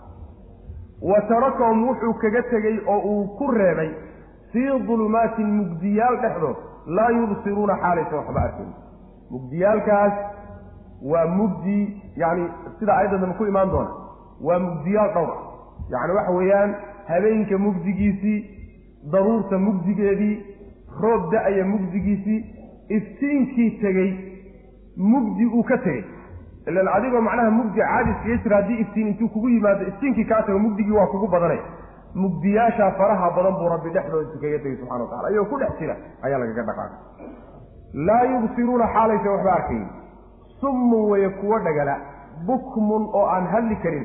Yani waxaa laga wadaa summun bukmun cumyun fahum laa yarjicuun macnaha waxa weeyaan waxay ka dhagala yihiin maqalka xaqa ay maqlaan. Waxay afkooda uusan ku hadli karin oo afkooda uu yani mamnuuc ka ah oy kaba dhowsooyin oo iska ilaalinayaan. Yani waxa weye xaqa inay ku hadlaan kalimatu tawxiid inay ku dhawaaqaan waxay ka indhala yihiin xaqa araggiisa sidaa daraaddeed buu rabbi subxaana wa tacaala ku tilmaamay fahum laa yarjicuuna islaamnimadii ku soo laaban maayaan fahum laa yarjicuuna ma ay soo noqonayaano maadaama xaqii intay ogaadeen oo iimaankii qalbigooda galay ay ka dhaqaaqeen oo ka tageen sida ibnu kasiir wato mar labaad inay ku soo noqdaan waa waxaan dhici karin macnaha ruuxu hadduu xaqa intuu garto uu ka tago iyo isagoon xaqa garanaynin haddii uu macnaha xaqdoonna yahay oo daacad uu yahay labay kala tahay. Xaqa hadduu garto oo markaa kadib uu kas uu uga dhaqaaqaayo ruuxaasi rajadiisu aad bay u yahay inuu soo laabo. Waa qolyahan oo kale. Laakiin ruuxu hadduu jaahil oo xaqii uusan garanin daacadna uu yahay xaq raadis uu yahay inuu hanuunaa laga yaaba inuu hanuuno ayaa laga yaabaa saas daraaddeed buu rabbi subxaana wa tacala wuxu uhi fahum laa yarjicuun. Ma ay soo laabanayaan aw ka sayibin min asamaai fiihi dulumaatun waracdun wabarkun yajcaluuna asaabicahum fii aadaanihim waxay culimada qaarkood muujiyaan. Markuu ilaahi subxana wa tacaala iftiinka ka qaaday waxaa la yidhi nuurkii baa laga qaaday. Naar iyo nuur farqi baa udhexeeya naar waxaa la yidhaahdaa markii iftiin iyo kulayl iyo shay wax gubo isla socdo wey waa dabka. Nuurkana waxaa la yidhaahdaa yacni iftiinkaa la yidhahda marka iftiinkii baa laga qaatay kulaylkii waa u hadhay kulaylkii waa u hadhay laakiin intii manaafacaadka lahayd ee iftiinka ahayd unbaa laga qaaday. Saasay macnaha waxa wey mufasiriinta qayb ka mida muujiyaan. Aw ka sayibin min asamaa aw mahaluhum ama mahalkoodu ka masali saaxibi sayibin roob mid u saaxiib a miisaalkiis oo kale wey mid roob u saaxiib. Roobkaasoo min asamaa'i xagga samada ka yimid roobkaasoo fiihi dhexdiisa dulumaatun mugdiyaal ay yihiin. Wa racdun unkad uu yahay dhexdiisa. Wa barqun hillaac uu dhexdiisa yahay. Yajcaluuna waxay yeelayaan asaabicahum farahooda fii aadaanihim dhagahooda dhexdooday gelinayaan. Min asawaaciqi jacda darteed. Yacni hanqarka dartii ama jacda darteed roobku uu wato dartii bay dhagaha faraha la gashanayaan xadara almowti maxay sawaaciqdaa darteed ay dhagaha u gashanayaan faraha? Xadara almowti geeri ka cabsigeed darteed. Geeri bay ka cabsanayaan. Inay dhintaan bay ka yaabayaan. Wallahu allana muxiiطun midkii koobe wey bilkaafiriina gaalada midkii koobe wey rabbi subxana wa tacala waa misaal labaad wey misaalkan waxaa loo samaynayaa. Qolo labaad oo munaafiqiinta ka mid a yacni ama waxaa la odhanayaa waa isla qoladii hore waxaase ka fiican sida ibnu katiir uu wato oo uu leeyahay oo dooranayo in laba qolo laga dhigo. Maxaa yeele munaafiqiintu waa laba qolo. Qolo waxa weeyaan waa qolo go'aan qaatay oo gaalnimo iyo nifaaq go'aan ku qaatay. Taradudna uusan ku jirin. Qolona waa qolo aan weli go'aan qaadaninoo xaggana uma dhicin xaggana uma dhicin. Waa mutaradidiin qoladaas dambe ee mutaradidiin qolada hore misaalka laga bixiyo waxa weya waa misaalkii hore. Kamahaluhum ka mahali aladi istawqada naaran. Misaalka dambe waa qolo aan weli go'aan qaadanin oo kolba dhinac u dhacay. Misaalkan dambe ee la bixinayo sidaasuu leeyay waxaa lagu misaaliyey qoladan dambe. Sidii xaalad nin roob ku da'ayo oo kale roob samada ka yimi roobku wuxuu wataa mugdiyaal. Mugdiyaal waa habeennimo roobka mugdigiisii daruurta mugdigeedii ma u jeedaa mugdiyaashaa faraha badan buu roobku wataa. Waxaa kaloo roobku uu wataa unkadna wuu wataa. Hillaacna waa wataa. Waxaa kaloo roobkaasi u wataa hanqarka shayga la yidhahda jacda isagana waa wataa. Aada u dhawaaqeen. Intaasoo dhan roob wata ruux uu ku da'ayo oo kaleeto baa misaalka labaad laga dhigay. Kuwaa kaasoo kale la midiyey markaasaa cabsida uu cabsanayo darteed iyo cabsi uu ka qabo amaad dhimataa waa argagaxsan yahay. Ma u jeedaa aada buu argaxsanya uga cabsanaya. Cabsidaa daraaddeed iyo yacni waxa weeye hanqadhkaa iyo unkadkaa iyo macnaha ilaaca iyo waxa dhacay iyo mugdiyaasha uu ku jiro cabsi uu qabo darteed buu dhagaha faraha gashanaya. Geeri buu macnaha diyaaru yahay. Misaalka labaad kaasuu la mid yahay bu rabbi subxaana wa tacala ku misaalinaya misaalku marka wuxuu udhaxayaa baa la leeyahay yacni waxa weeyaan dulumaadka la sheegay hor roobkan da'ayahay roobka da'aya waa waxyigii. Waa waxyiga. Waa diinta islaamka. Maxaa yeelay roobku siduu dhulka u nooleeyo oo doog uga soo saaro yuu waxyiguna wuxuu quluubta uga soo saaraa doog uga soo saaraa yacni quluubta waxaa nooleeya waa waxyiga. Sida roobkuba uu dhulka u nooleeyo. Marka roobkan samada ka soo degayahay waa waxyigii mugdiyada ku dhex jira ee uu tilmaamayo fiihi dulumaatun la leeyahay waxa weeyaan waa shakiga iyo macnaha waxa weeyaan kufriga iyo nifaaqa quluubtooda ku jira qur'aanka ka aaminsan yihiin. Racdigan kadaata iyo yacni unkadkan dhacayana waxaa la leeyahay waa zawaajirta yacni waciidka canaanta iyo goodiga qur'aanku uu xambaarsan yahay. Ee loo goodinayo cadaab mar loogu goodinayo halaag adduunya mar loogu goodinayo cabsiday marka qabaan. Ma u jeedaa yaxsabuuna kulla sayxatin calayhim. Ilahi subxana wa tacala sida aayad kale u yii yacni qaylo kastoo soo yeedhay inay iyaga ku dhaxaysay moodayaan. Low yajiduuna malja'an aw makaaraatin aw mudakhalan lawallow ilayhi wahum yajmaxuun ilahi subxana wa tacala aayad kale waa ka odhanay meelay u cararaan iyo goday galaan hadday heli lahayen waa ku carari lahayen cabsiday marka waxay ka qabaan waxyiga yani yani yani tahdiidaadka iyo goodiga uu bixinay iyo aayaadka yani waciidka ah kuwaasay marka waxa weye qalbigooda cabsi la dareemaya oo unkadka kaasaa laga wadaa. Barqiga iyo hillaacana waxaa laga wadaa isagana xujajka iyo baraahiinta cadcad ee iftiimaya ee uu waxyigu xambaarsanya kuwaasaa marka laga wadaa. Oo macnaha iyagu iska iftiimaya laakiin waxa weeyaan aysan waxba ku qaadanaynin. Waxa uu rabbi sawaaciqdana waxaa laga wadaa bay leeyihiin yacni takaaliifta sharciga sharciga takaaliiftiisa. Shaygankaasa hanqadhka ah ee ay dhagaha faraha ka gashanayaan. Waxa weeyaan waa masalan xoolihiina bixiya marka la yidhahdo jihaadka u soo baxa marka la yidhahdo salaada kaalaya tukada marka la yidhahdo yacni takaaliifta sharciga ah weeyaan sawaacidda ay dhagaha faraha la gashanayaan. Tafsiil noocaas oo kale a mufasiriinta qayb ka mid a ku samaynaya. Qaybna waxay leeyihiin misaalku waa misaal murakab ah. Isagoo duuduuban ayay suura ka baxaysaa. Suuradaasaa marka munaafiqiinta loo ekeysiinayaa sidaa daraaddeed xabad xabad inay kala qaadqaadaan oo kelime kelime ah waa ka gaabsanayaan macnaa mufasiriinta qayb ka mid aw amase ka sayibin awda bimacna alwaw waa laga fasiri karaa. Oo macnaha waxa weeyaan wasayibin kii horay ku xidhan tahayo mahaluhum wa mahaluhum ka mahali saaxibi sayibin saa waa la dhihi karaa. Miisaalkoodu sidoo kaleeto wuxuu la mid yahay mid roob ku da'ayo miisaalkiisao kale. Saasoo kale u la mid yahay kuwaas kaasoo kale la mataal yihiin oo u eg yihiin awda sideeda waa lagu wadi karaa haddii sideeda lagu wado waxay noqonaysaa taa kaa horena miisaal takhyiir bay marka noqonaysaa awda. Miisaalka horena miisaal waad uga dhigi kartaan miisaalkan dambena miisaal waad uga dhigi kartaan. Khiyaar baad marka leedihiin labadaba waa lagu wadi karaa macna aw amase masaluhum masalkoodu ka masali saaxibi sayibin mid roob u saaxiib ah miisaalkiisoo kale wey roobkaasoo min asamaa'i samada ka yimid. Ruuxaa roobku ku da'ayo. Sida uu u eg yahay iyo xaaladda uu ku jiro taasoo kale xaaladooda wey roobkaasoo fiihi dhexdiisa dulumaatun mugdiyaal ay yihiin. Wa racdun uu yahay unkad uu yahay. Wa barqun hillaac uu yahay. Yajcaluuna way yeelayaan asaabicahum farahooda. Ayay fii aadaanihim dhagahooda dhexdooda gelinayaan. Min asawaaciqi waxay u yeelayaan yacni min asawaaciqi min ajli sawaaciqi hanqarhka ama jacda darteed jacda dhacaysa ee aadka dhawaaqeedu u kulul yahay ayay dhagaha faraha ka gashanayaan. Xadara almawti maxay dhagaha faraha u gashanayaan? Xadara almawti yacni waxa weeyaan geeri ka cabsigee darteed. Geeri ay ka cabsadaan inay geeriyaadaan oo dhintaan bayba ka yaaban yihiinba. Cabsida haysa darteed. Wallaahu allana muxiitun midkii koobay weye bilkaafiriina gaalada rabbi subxaana wa tacaala waa koobay. Macnaha waxa weye cilmiguu ku koobay awoodna rabbi waa ku koobay subxaana wa tacaala oo ma ay ka baxsan karaan.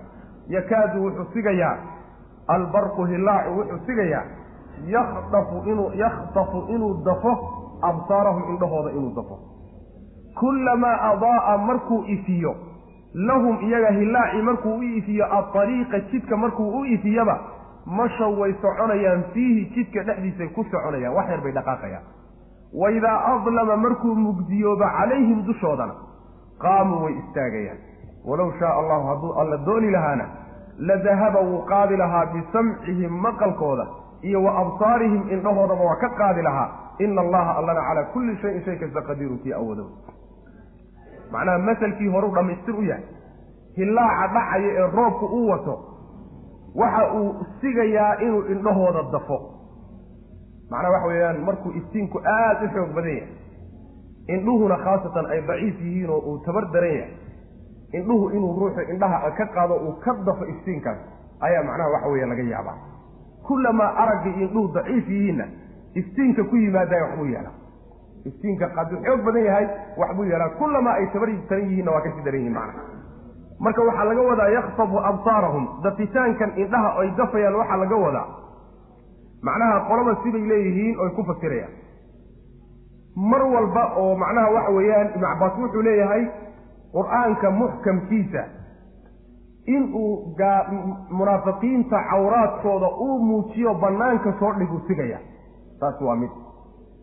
Qolana waxay leeyihiin ma ahe maadaama barqiga lagu soo fasiro ku soo sheegnay inuu yahay baraahiintiiyo xujajka uu waxyigu xambaarsan yahay. Waxaa laga wadaa yacni xujajka iyo baraahiintaasi sida ay u iftiimayaan ay u xoog badan yihiin indhaha inay ka qaadaan bay wasigayaan macnaha. Oo macnaha waxa ay caddayn u tahay barqigaa iyo xujajkaasi sida ay u xoog badan yihiin oo u iftiimayaan macnaha. Taasay caddayn u mar walbaba marka uu barqigaasi u iftiimo hillaaca uu bilig yidhaahdo oo waxoogaa ay jidka kale arkaan ilan mugdi bay ku jiraane waxoogaa way dhaqaaqayaan. Markuu dam yidhaahdana meeshii bay istaagayaan. Shag ma socon karaan. Maxaa laga wadaa? Waxaa laga wadaa laba macnoba waa suurtagal oo mufasiriintu waa ku fasiraya in laga wado yacni haddii ay soo degaan aayaad waxyi hadduu soo dego ayagu siday rabeen oo macnaha hawadoodii hawadoodii waafaqsan iyo siday rabeen hadduu soo dego masaalixdooda iyo dana kuwooda iyaga u dana markaasi ay door bidayaan dan baa meesha idinku jirta isleeyihin hadday soo degaan qur'aankii iyo waxyigii iyo diintii waa raacaya waa ku waa dabagelayaan. Haddii wax yar kadib ay soo degaan aayado siday doonayeen aan ka u hadlaynin oo ama ayagii ka hadlaya ama yani waxa weye takaaliif saaraya ama sidaasoo kaleeto ka hadlaya hadday yimaadaan shag waa istaagayaan. Dib bay marka dib ugurashay bilaabayaan ku dhaqankii bay markaa diidayaan macnaha taasi waa macno macno labaad waxa weya ibnu mascuud iyo qataada iyo qolyale baa macnaha waxa weeya sheegaya oo waxaa laga wadaa haddii adduunyada ay ku barwaaqoobaan oo carruurtu u badato oo xoole helaan oo nabadgelye helaan oo yacni barwaaqada hadday helaan islaamnimada dhexeedana ay ku helaan islaamkii inay yaro jeclaadaan baa laga yaabaa. Oy waxoogaa door bidaano waxoogaa ay dhex socdaan. Muslimiinta inay dhex socdaan baa laga yaaba haddiise laakiin abaara ay dhacaan dhibaatooyin ay yimaadaan muslimiintii laga xoog bato. Ma u jeedaa gaaladu ay gaaladu ay xoog bataan. Markaasaa waxay odhana bilaabayaan inay dib u gurtaan. Oo ay gaaladii u kacaan. Muslimiintii shalayta ay ku dhex jireenna inay ka dhex cararaan. Markaasay bilaabayaan. Yacni waxa weeyaan waidaa adlama calayhim qaamuu macnahaasna macnaa waa waxa weya macno isaguna saxiixa yakaadu wuxuu sigayaa albarqu hilaacu wuxuu sigayaa yakhtafu inuu dafo. Absaarahum indhahooda inuu dafo kullamaa adaa'a mar kastoo uu iifiyo lahum iyaga jidka markuu u iifiyaba mashow way soconayaan fiihi dhexdiisa waxoogaa bay tillaabsanayaan. Waidaa adlama markuu mugdiyooba calayhim dushoodana ama uu mugdiyeeyana qaamuu way istaagayaan oo meeshii dhaafi maayaan. Yacni waxa weeyaan waa qolo danaystayaal awey walow shaaa allahu hadduu alla dooni lahaa la dahaba wuu la tegi lahaa bisamcihim maqalkooda iyo absaarihim araggooda ayuu alla qaadi lahaa subxaana wa tacala waa tahdiid iyo goodi wey ilaahay indhaha iyo maqalka labada waa ka qaadi lahaa. Awood buuna u leeyahy ina allaha alla calaa kulli shayin shay kasta qadiiru midka awooda wey rabbi subxaana wa tacala ya ayuha nnaasu icbuduu rabbakum aladii khalaqakum waladiina min qablikum lacalakum tattaquun. Markii saddexdii qaybood laga soo warramay waxaa loo baahan yahay ruuxa muslimka ah. Inuu markaa yacni muwaasafaadka iyo tilmaamahaas la bixiyey inuu miisaanka isa saaro marka. Ma qolyaha mu'miniinta ahee tilmaamihii ugu horreeyey laga bixiyey baa talow ka mid tahay. Ma qolyo reer dhexa ahaayoo gaaladii la soo tilmaamay baa tahay ee qulubtooda waxba gelaynin. Ma qolyihii dambe ee laba reer dhexaadka ku rogmaday ayaad ku jirtaa miisaanka inaad saa usu saartaa la doonaya haddaad munaafiqiinta tilmaamahooda isku aragto waa inaad durba aad istadaarugto oo isdaba qabato gaalada haddaad tilmaamahooda isku aragtana waa inaad iyadana istadaarugto od isdaba qabato haddii tilmaamihii mu'miniinta lagu soo tilmaamo isku aragtana waa inaad siyaasato allana ku mahadiso subxana wa tacala sidaasaa la doonaya. Yaa ayuha annaasu markii intaa la soo ayaa waxaa la daba dhigayaa ilaahi subxaana wa tacaala oo uu taqriirinayaa mabda'u tawxiid. Tawxiidkii ayaa la sharxayaa. Rabbinimada ilaahi subxaana wa tacaala addoommadiisa wuxuu u abuuray iyo xaqii u ku lahaa baa loo cadaynaya waxaa ka dambayn doontaa markii tawxiidka laba qayboodoo ka mida la qeexo ayaa haddana waxaa laga hadli doonaa annubuwaat. Ambiyada nebigeenna salawatullahi wasalaamu caleyh iyo nebinimadiisa ayaa la sugi doonaa. Maxaa yeele ususta caqaa'ideenna waxaa ka mid a caqiidadeenna ususteeda waxaa ka mid a awalan yacni waxa weeyaan ilaahay subxaana wa tacaala la rumeeyo cibaadadiisa iyo xaqii uu lahaayoo la siiyo.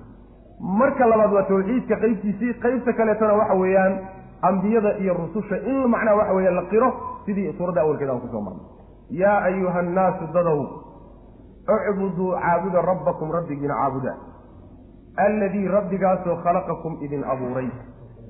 Raxamkullah waaladiina kuwiina abuuray min qablikum idinka hortiin ahaa.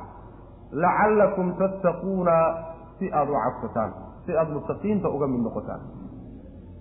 Alladii allahaasoo jacala yeelay lakum idinka alarda dhulka idinka yeelay firaashan mid goglan idinka dhigay. Waasamaaa samadiina yeelay iyadana binaa'an dhismo idinka dhigay. Mid dhisan idinka dhigay.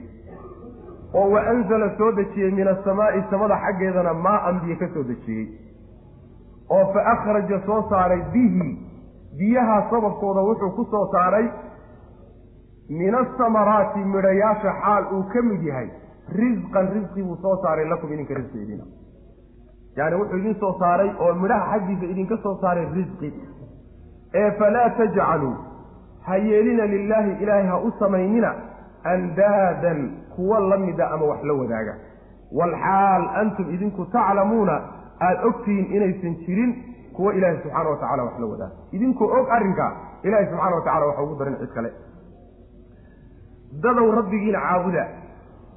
Macnaha cibaadada waxaa laga wadaa waa miduu ilaahi subxaana wa tacaala u abuuray insiga iyo jinniga wamaa khalaqtu ljinna waalinsa ila liyacbuduun. Waxaana laga wadaa cibaadada in ilaahi subxaana wa tacaala amarkiisana la fuliyo wuxuu reebayna in laga hadho si buuxda in loo qaato ilaahi subxana wa tacala diintu soo dejiyey cibaadada uu ilahi subxana wa tacala nafaraya midaas cibaadaduna waa xaqa ilaahay addoommadiisa uu ku leeyay waana gaayada iyo hadafka uu u abuuray addoommada ujeeddadii abuurka laga lahaa sida aayaddu qeexayso waa in rabbi la caabudo subxaanahu wa tacaala. Middaa iyadaa allaha marka cibaadada mudan ayaa laynoo sii caddeeyey. Cibaadada wuxuu ku mudan yahay rabbigiin oo inaad caabudaan ay waajib idinku tahay. Waa midka idin abuuray.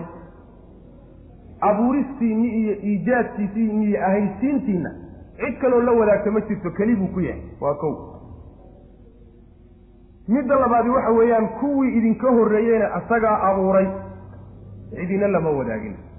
Gacan cid kaloo ka geysisa ma sidaa haddaad samaysaan oo rabbigiin aad caabudaan muttaqiinta cadaabka ka dhowrsada jannada rabbina subxaanahu wa tacaala ku dhowrsada ayaad ka inaad ka mid noqotaan laga yaabaa. Taasaa laga yaabaa inaad muttaqiin noqotaan.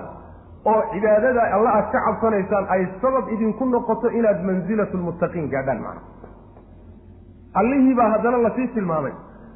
Waxyaalaha uu idiin galay ee inaad ku caabudaan uu rabbi ku mudan yahay subxaana wa tacala waxaa ka mid a dhulka ayuu idinka dhigay gogol.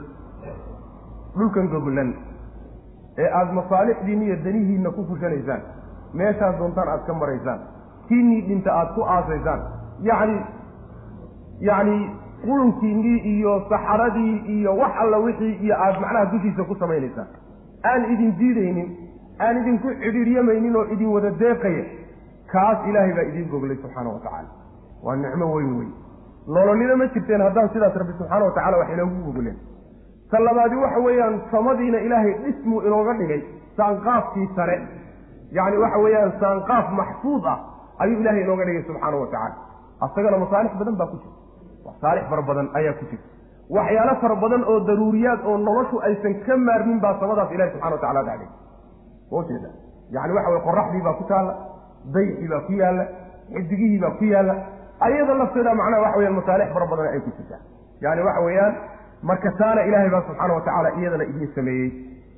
Sidoo kaleeto waa allaha samada ka soo dejiya biyo idinka keena. Biyahaana risqi idinku soo saara midhayaasha ka mida midhaha iyo zaraacada iyo beeraha iyo dalga go'ayahay. Ilaahay baa idiin soo saara biyo uu samada ka keenay bayna ku yimaadaan biyaha soo dejintooda iyo kuwa dhulka ka soo baxaya soo saaridoodana idinlama wadaago taasina mid wey intaasoo dhan marka allaha idiin galay cidna waxaa ugu darine keligii caabuda. Falaa tajcaluu lilaahi andaadan wa antum taclamuun. Saasuu nabigu alla odhanaya subxana wa tacala maxaa yeelay intaasoo dhan mar haddaan lala wadaagin waa nacasiimo adiga wixii aad samaynaysay baryadaadii iyo salaadaadii iyo kaalmo weydiisigaagii iyo isticaanadaadii iyo gowracaagii inaad qolyo kaleeto garab dhigto alla subxaana wa tacaala oo ama dhagaxyaan ah ama qubuur ah ama wax kaleeta inaad soo garab istaajidood la wadaajisahay waa caqli darro wey cilmi darro intaysan noqonin bay caqli darro tahay. Sidaa daraaddeed buu rabbi subxaana wa tacaala intaasoo dhan wuxuu u daliishanayaa cibaadada inuu keligiiyo waa meeshay culimmadu yidhaahdaan tawxiid rububiyaha tawxiidka la yidhaahdaa waxa uu daliil iyo burhaan qaatica u yahay tawxiid aluluhiya macnaha haddaad qirto inuu ilaahay raasiq yahay isagoo keligii wax masruufo wax dhicin asaga keligii roobka keeno asaga keligii addoommada abuuray asaga keligii kownkan maamula haddaad qirto waxaad ku qasban tahay caqliyan in aad isaga keligii aada cibaadadaada iyo baryadaada iyo wax adiga kaa fulaya o dhan inaad isaga. Dhibkana isaga ka nabad gasho aada macnaha ka magan gasho wixii dheefana inaad isaga qacan taasay keenaysa sidaa daraaddeed markii la soo sheega waxaa la yidhi falaa tajcaluu lilaahi andaada nabigeena sal lla alay waslam xadiidka ibn mascuud ee bukhaari muslim ay warinayaan waxaa nabiga la weydiiyey sal lay waslam ayu dembi acdam? Dembikee ugu weyn baa nabiga la yihi sal lay waslam nabigu wuxuu yihi sal lay waslam an tajcala lilahi niddan wahuwa khalaqaka. Inaad ilaahi subxaana watacaala kuwo la mid ah ama wax la wadaaga inaad u yeesho asagoo ku abuuray waa dembi la gala ka ugu weyn wey waana midku ilahay una dhaafin subxana watacala ruuxii ku dhinta yaa ayuha annaasu dadow ucbuduu caabuda. Rabbakum rabbigiina caabuda. Alladii rabbigaasoo khalaqakum idin abuuray. Waaladiina kuwiina abuuray min qablikum idinka idinka horreeyey. Lacallakum tattaquuna. Si aad alla uga cabsataan oo aada u gaadhaan inaad mustaqiin noqotaan. Taa iyadaa si aad u gaadhaan rabbigii subxaana wa tacala u caabud alladii allahaasoo jacala yeelay. Lakum idinka alarda dhulkii firaashan gogol idinka dhigay. Mid goglan buu ilahay idinka dhigay subxaana wa tacala waasamaaa samadiina binaa'an buu ka dhigay dhismuu ilahay ka dhigay subxaana wa tacala mid dushiina ku dhisan. Wa anzala wuu soo dejiyey min asamaai samada xaggeeda. Samada waxa la yidhahda shay walba kaa sarreeya. Sidaa daraaddeed isma diideyso yacni qowlka ay culimmadu leeyihiin oo odhanaya macnaha waxay ka yimaadaan roobku daruuruhu ka yimaadaan assamaa waxaa la yidhahdaa shay walba kaa sarreeya. Sama ba xataa saanqaafka guriga samaa waa la dhihi karaa wa anzala soo dejiyey min asamaai samada xaggeedu maa an biyo ka soo dejiyey oo fa akhraja markaasuu soo saaray. Bihi biyihii sababkooda wuxuu ku soo saaray risqan buu ku soo saaray. Min asama risqan buu ku soo saaray. Lakum idinkuu idiin soo saaray. Min asamaraati xaal uu midhayaasha ka mid yahay risqigaas yacni samaraadka waxyaalaha dhulka uu soo saaray ayaa samaraadka macnaha laga wada ee nooc walba leh ayuu ilahay biyaha ku soo saaray subxana watacala ee falaa tajcaluu ha yeelina lilaahi ilaahay ha u yeelina andaadan anniddu huwa alnadiiru waalmasiil baa la yidhahda mid la mid ah oo macnaha garab jooga oo wax la wadaaga kaasaa macnaha niddiga la yidhahda marka falaa tajcaluu ha yeelina lilaahi ilaahay andaadan kuwa la midoo wax la wadaaga ilaahay ha u samaynina waxay dooniba ha ahaad xataa malaa'igtiisa iyo rusushiisa ugu dhow ilahay intuu abuuray xataa inay wax la wadaagaan ma ogola rabbi subxana watacala ana aqna shurakaa'i can ishirki wax la wadaago. Anigu waan ka maarmaa bu rabbi ilahi subxana watacala kuwa ka maarma ka ugu maaran badan baanahay bu rabbi ilahi subxana watacala ninkii camal la yimaada oo aniga cid kale wax isugu kaana dara isagii iyo wixii uu isugu kay isagiiyo camalkii iyo kiiba waa ka wada tegaya bu rabbi subxana watacala waa isu daynaya. Kii uu la wadaajiyaa marka ku hadhay ilaahi subxana watacaala ma ogola waxa uu leeyahay in cid wax laga siiyo. Haddii awliye loo diido oo la yidhahdo war rusushu xaqaa ma laha oo la yidhaahdo war malaa'igtu xaqaa ma laha iska badaa dhagaxyaan iyo qubuuri inay yeeshaane maaha in meel lagaga dhacay dadka iyaga. In malaa'igta meel lagaga dhacay ma aha rususha in meel lagaga dhacay ma aha in macnaha awliyada meel lagaga dhacay ma aha bal waxa weeyaan cadaaladda iyo insaafku saasay keenaysaa xuquuqda rabbi subxaana wa tacaala iyo khasaa'istiisa inaan ninnaba haba yaraatee wax loogu darin macna falaa tajcaluu lilahi andaadan waantum taclamuun. Wain kuntum fii raybin mima nazalna cala cabdina faatuu bisuurati min milihi wadcuu shuhadaa'akum min duuni illahi in kuntum saadiqiin had halkaa markii mabda'u tawxiid ilaahi subxaana wa tacaala uu ku sugay oo lagu qeexay lana sheegay inuu isaga keligii cibaadada leey cid kalena aan wax loogu daraynin waana aasaaska iyo gundhiga diinta islaamka. Bal adyaantii ay ambiyadii rusushii kutubtii hore oo dhan ay ku soo degaysa intaa marka laga soo hadlay ayaa waxaa laga hadlayaa nabigeena salawatullahi wasalaamu calayhi iyo risaalada ilaahay uu u soo dhiibay iyo nebinimadiisa oo ay dood ka kiciyeen qoladii gaalada ahaa ayaa iyadana macnaha la sugaya. Wain kuntum haddaad mimaa shay xaggii haddii shaki aad kaga sugan tihiin nazalnaa aan soo dejinnay calaa cabdinaa addoonkanaga dushiisa aan ku soo dejinnay.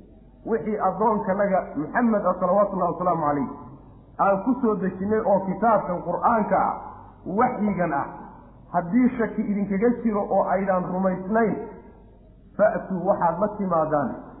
Bisuuratin suurad la imaada oo min mislihi isagoo kala.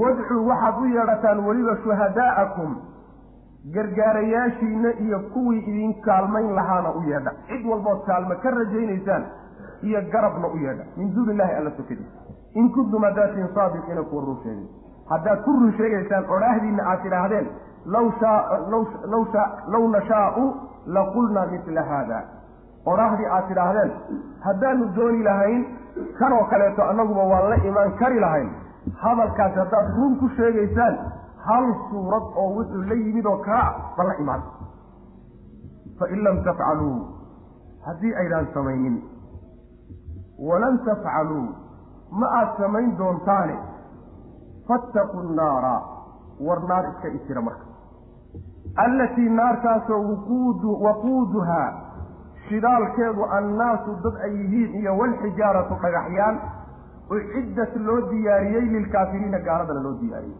naartaa iska jira marka waxba lama imaan karaysaan macnaha waxa weeyaan waa taxadigii meesha macnaha waxa weye icjaazki iyo taxadiga la yidhahdo weye ilaahi subxaana watacaala wuxuu ku yidhi ila waxay nabiga sal lay slam markuu u yimi waxyaalahay ku bushiyeen oo ku diideen waxaa ka mid ahaa bashar annagoo kala maa anta ilaa basharun misluna bashar annagoo kala unba.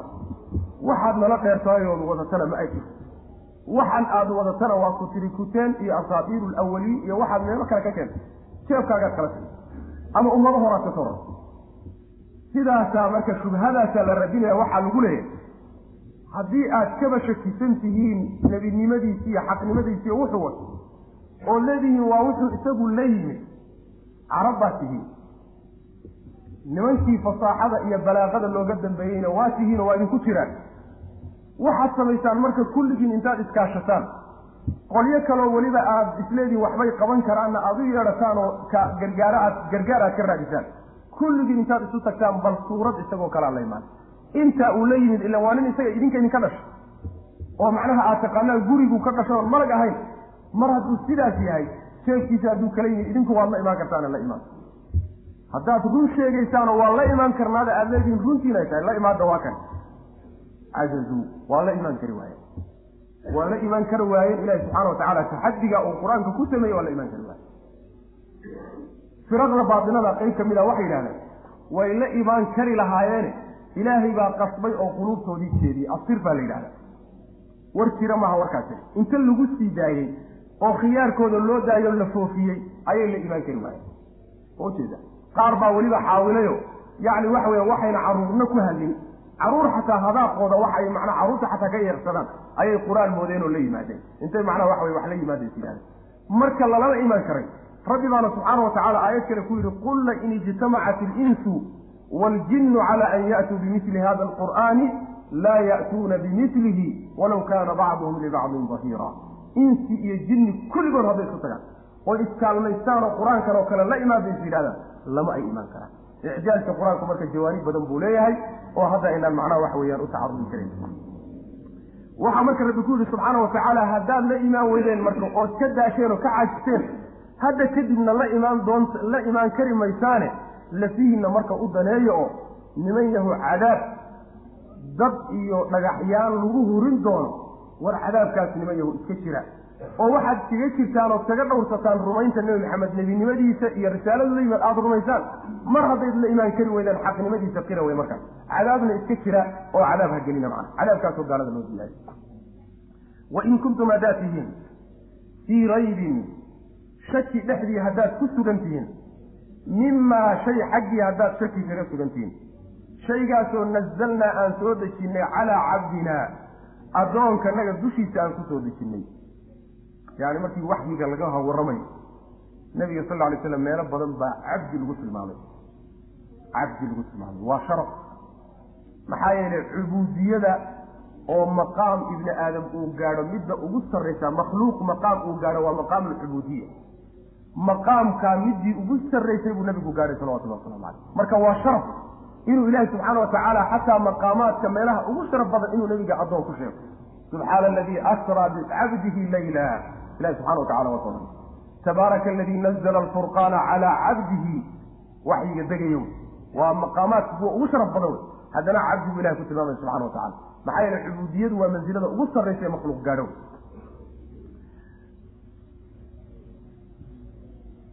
haddii aad shaki kaga sugan tihiin wixii aan ku soo dejinay addoonkanaga fa'tuu waxaad la timaadaan bisuuratin suurad la imaada min mislihi oo isagoo kalea wadcuu waxaad u yeedhataan shuhadaa'akum ay acwaanakum wa ansaarakum sida ibn cabbaas uu leeyay gargaarayaashiina iyo kuwa idin kaalmayn karoo dhan u yeedha.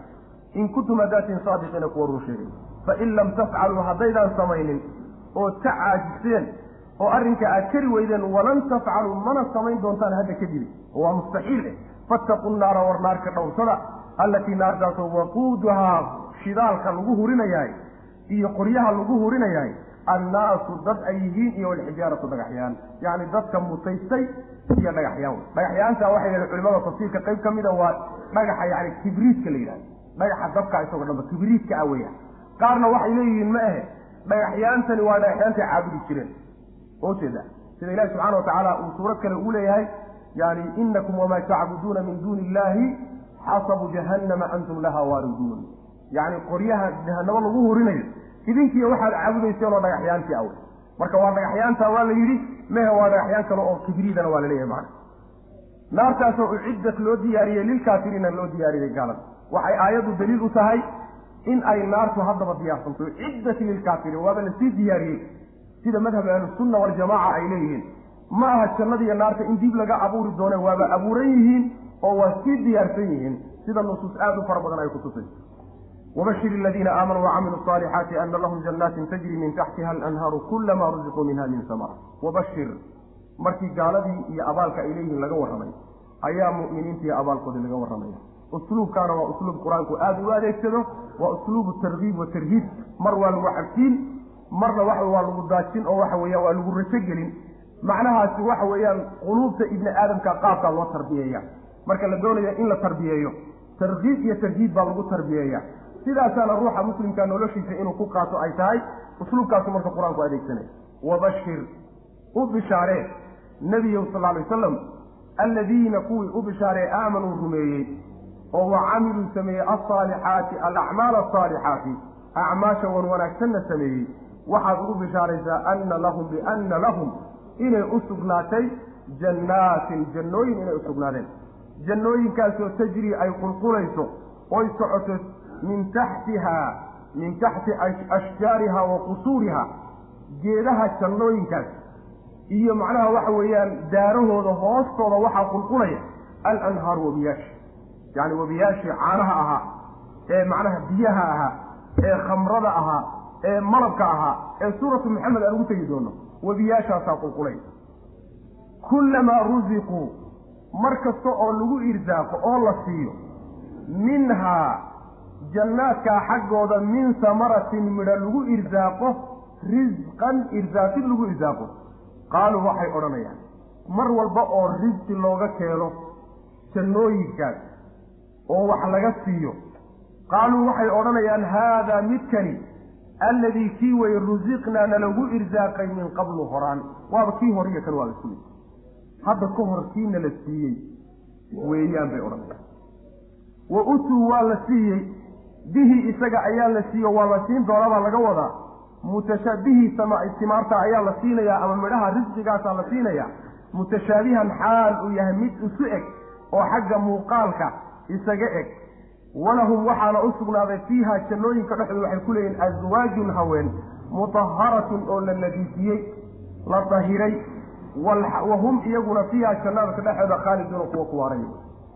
Waxaad u bishaaraysaa dadka iimaanka la yimid dhaqanka iyo camalka saalixaana ku daray. Halkaa maxaa lagu reebay? Aamanuu gaaladii baa lagu reebay. Wa camiluu saalixaatna maxaa lagu reebay? Munaafiqiintii baa lagu reebay. Halkaa marka waxaa soo hadhay dad iimaan qalbiga uu kaga jiro dhaqanna ka dhigtay iimaanku wuxuu farayey oo islaamnimadii dhaqan geliyey dadka noocaasoo kale ah ee sheegadka ahayn qolyaha waxaad ugu bishaaraysaa inay jannooyin leeyihiin jannooyinkaasoo hoostooda jannooyinkii baa la sii tilmaamay. Hoostooda waxaa qulqulaya yacni daarahooda iyo geedahooda waaweyn hoosta waxaa ka qulqulaya wadiyaal nooc walba leh wadiyaal nooc walba ayaa qulqulaya. Mar walba oo jannooyinkaa inta midho laga soo guro oo risqi laga keeno la siiyaba waxay odhanayaan kani waa kii horeyna loo siiye oo kale waa isu egyihin yacni maxaa laga wadaa? Haada aladii rusiqnaa min qablu waa kii horaanna lagu irsaaqay oo kale. Laba tafsiirba waa geli karaan. In la yidhaahdo war kii adduunyadu u egyahay hadda ka naloo keenay iyo kii adduunyadu isu ekaa magacii bay wadaagaan. Muuqaalka korena waa laga yaabaa inay isaga eg yihiin. Sidaa daraaddeed war isu ekaa laakiin dhadhankii iyo macaankii iyo udgoonkii iskaga mid ma ah taasi waa suurtagal. Haada aladii rusiqnaa min qablu macno kalena waa suurtagal oo in aakharo dhexeeda laga wado. Maanta masalan hadda qadaa la joogaa qadaa loo keenay war quraacdii aan cunaynay oo kaleeto iyo qadadantaasboo isku midna. Waaba tii horay laynoogu keenay oo kaleeto oo markaasi waxay iskaga mid yihiin xagga muuqaalka iyo macnaha waxa weeyaan mandarka ayay iskaga mid yihiin. Laakiin dhadhanka waa ku kala gedisan yihiin labada macnoba waa suurtagal. Waa la siiyey bu rabbilahi subxaana wa tacaala isagoo isu eg baa risqigaa la siiyey. Isu ekaanta iyadana waxa weeyaan waa xagga yani waxa weeyaan xajmiga kore iyo yani waxa weeyaan muuqaalka kore isaga eg yihiin. Laakiin dhadhanka waa ku kala gedisan yihiin ibnu cabaas iyo mujaahid iyo xasan albasri iyo ayaa madhabkaa maraya macnaha waxaa kaloo leeyihiin bu rabbilahi subxana wa tacaala haween la dahiray wayna ku waari doonaan. Haweenkaa dahirid buu ilahi ku tilmaamay subxana wa tacala maxaa laga dahiray? Waxa laga dahiray lama sheegin. Waa la duuduubay. Waxaa marka loola jeedaa wax walboo xumaana waa ka dahiran yihiin waxay ka dahiran yihiin yani waxa weye ceeb oo dhan. Yacni akhlaaqdoodu ceeb ma lah waa ka dahiranta abuurkooduna ceeb waa ka dahiran yahay. Xayd ma ay laha nifaas ma ay laha candhuuf ma ay laha dhiig ma ay laha yani ur ma laha wax ay leeyihiin ma abuurkooduna waa dahiran carabkoodu waa dahiran yaho ilaahay waa dahiran xumaan kuma hadlayaan. Indhahoodu waa dahiran yihiin oo raggooda waxaanayn ma fiirinayn. Qaasiraatu darfi wey. Ilaahay subxaana wa tacaala tilmaamo fara badan buu qur'aanka ku tilmaamo meelo badan loo dumaando. Haweenkaana waa loogu raaxaynay maxaa u laaban marka? Haddii cuntadii laga dharsiiye oo wax walba la siiyey hoygoodiina la siiyey oo meel la dejiyey. Shaawadoodii meelay ku gutaan oo aada u qiimo badanna rabbi uu siiyey subxaana wa tacaala baahiduus waa intaa un ma maxaa u laaban? Wax u laabani ma taas marka waxa weye cid nasiib badan nasiib aada u nasiib daran baa ka qabta wabashir aladiina kuwii u bishaarey aamanuu rumeeyey oo wacamiluu sameeyey alsaalixaati alacmaal asaalixaati acmaasha wanaag soo sameeyey. Acmaasha saalix waxaa la yidhahdaa markii laga helo camalka ikhlaas laga helo waa in ilaahay dartii loo qabto iyo janno aad ku heshid naarna aad kaga badbaadi. Istustus iyo ismaqashiin iyo dan aadan ka lahayn. Shardiga labaadna waxa weeyaan waa in nebi maxamed salawatullahi wasalaamu calayhi laga soo gaadhay oo ama kitaabkii ilaahay uu ku yaallo ama sunnada nabiga sal alay slam uu ku sugayay camalku labadaa shardi marka laga helo ayuu saalix noqonaya acmaasha saalixaana la yimi kuwa waxaad u bishaaraysaa biana lahum ana lahum biana lahum. Inay u sugnaatay jannaatin jannooyin. Jannooyinkaasoo tajri ay qulqulayso min taxtihaa hoosteeda ay qulqulaysa alanhaaru webiyaalku ay qulqulayaan webiyaalkaas suuratu maxamed baa lagu faahfaahiyey. Kullamaa rusiquu mar walba oo la irsaaqo minhaa jannooyinka xaggooda laga laga irsaaqo min samaratin ay samaratan midha lagu irsaaqo risqan irsaaqid lagu irsaaqo mar walba oo irsaaqid la irsaaqo midhaha jannada xaggoodana laga irsaaqo qaaluu waxay odhanayaan haadaa midkani nalagu irsaaqay alladii kii weeye rusiqnaa nalagu irsaaqay min qablu horaan. Horay kii naloo siiyey oo kaleete adduunka nalagu siiyey bay isu egyihiin ama hadda ka hor kii jannada aan ku cunnay bay isu egyihiin wa utuu waa la siiyey bihi risqiga ayaa la siiyey mutashaabihan xaalu yahay mid isu eg xagga muuqaalka mid isaga xaalu yahay walahum waxaa u sugnaaday fiiha jannada dhexeeda aswaajun haween baa ugu sugnaaday mutaharatan haweenkaasoo la dahiray oo la nadiifiyey oo xumaan oo dhan laga hufay walxaal bay jan u leeyihiin. Haweenka ay leeyihiin hum iyagu fiiha jannaadka dhexdooda khaaliduuna ay ku waarayaan oyna marna ka wareegaynin ka safraynin aynan macnaha waxa weye ka baxaynin. Wallahu aclam wsala allahuma waslama cala nabiyina muxamedi wcala alihi wasaxbi wasalam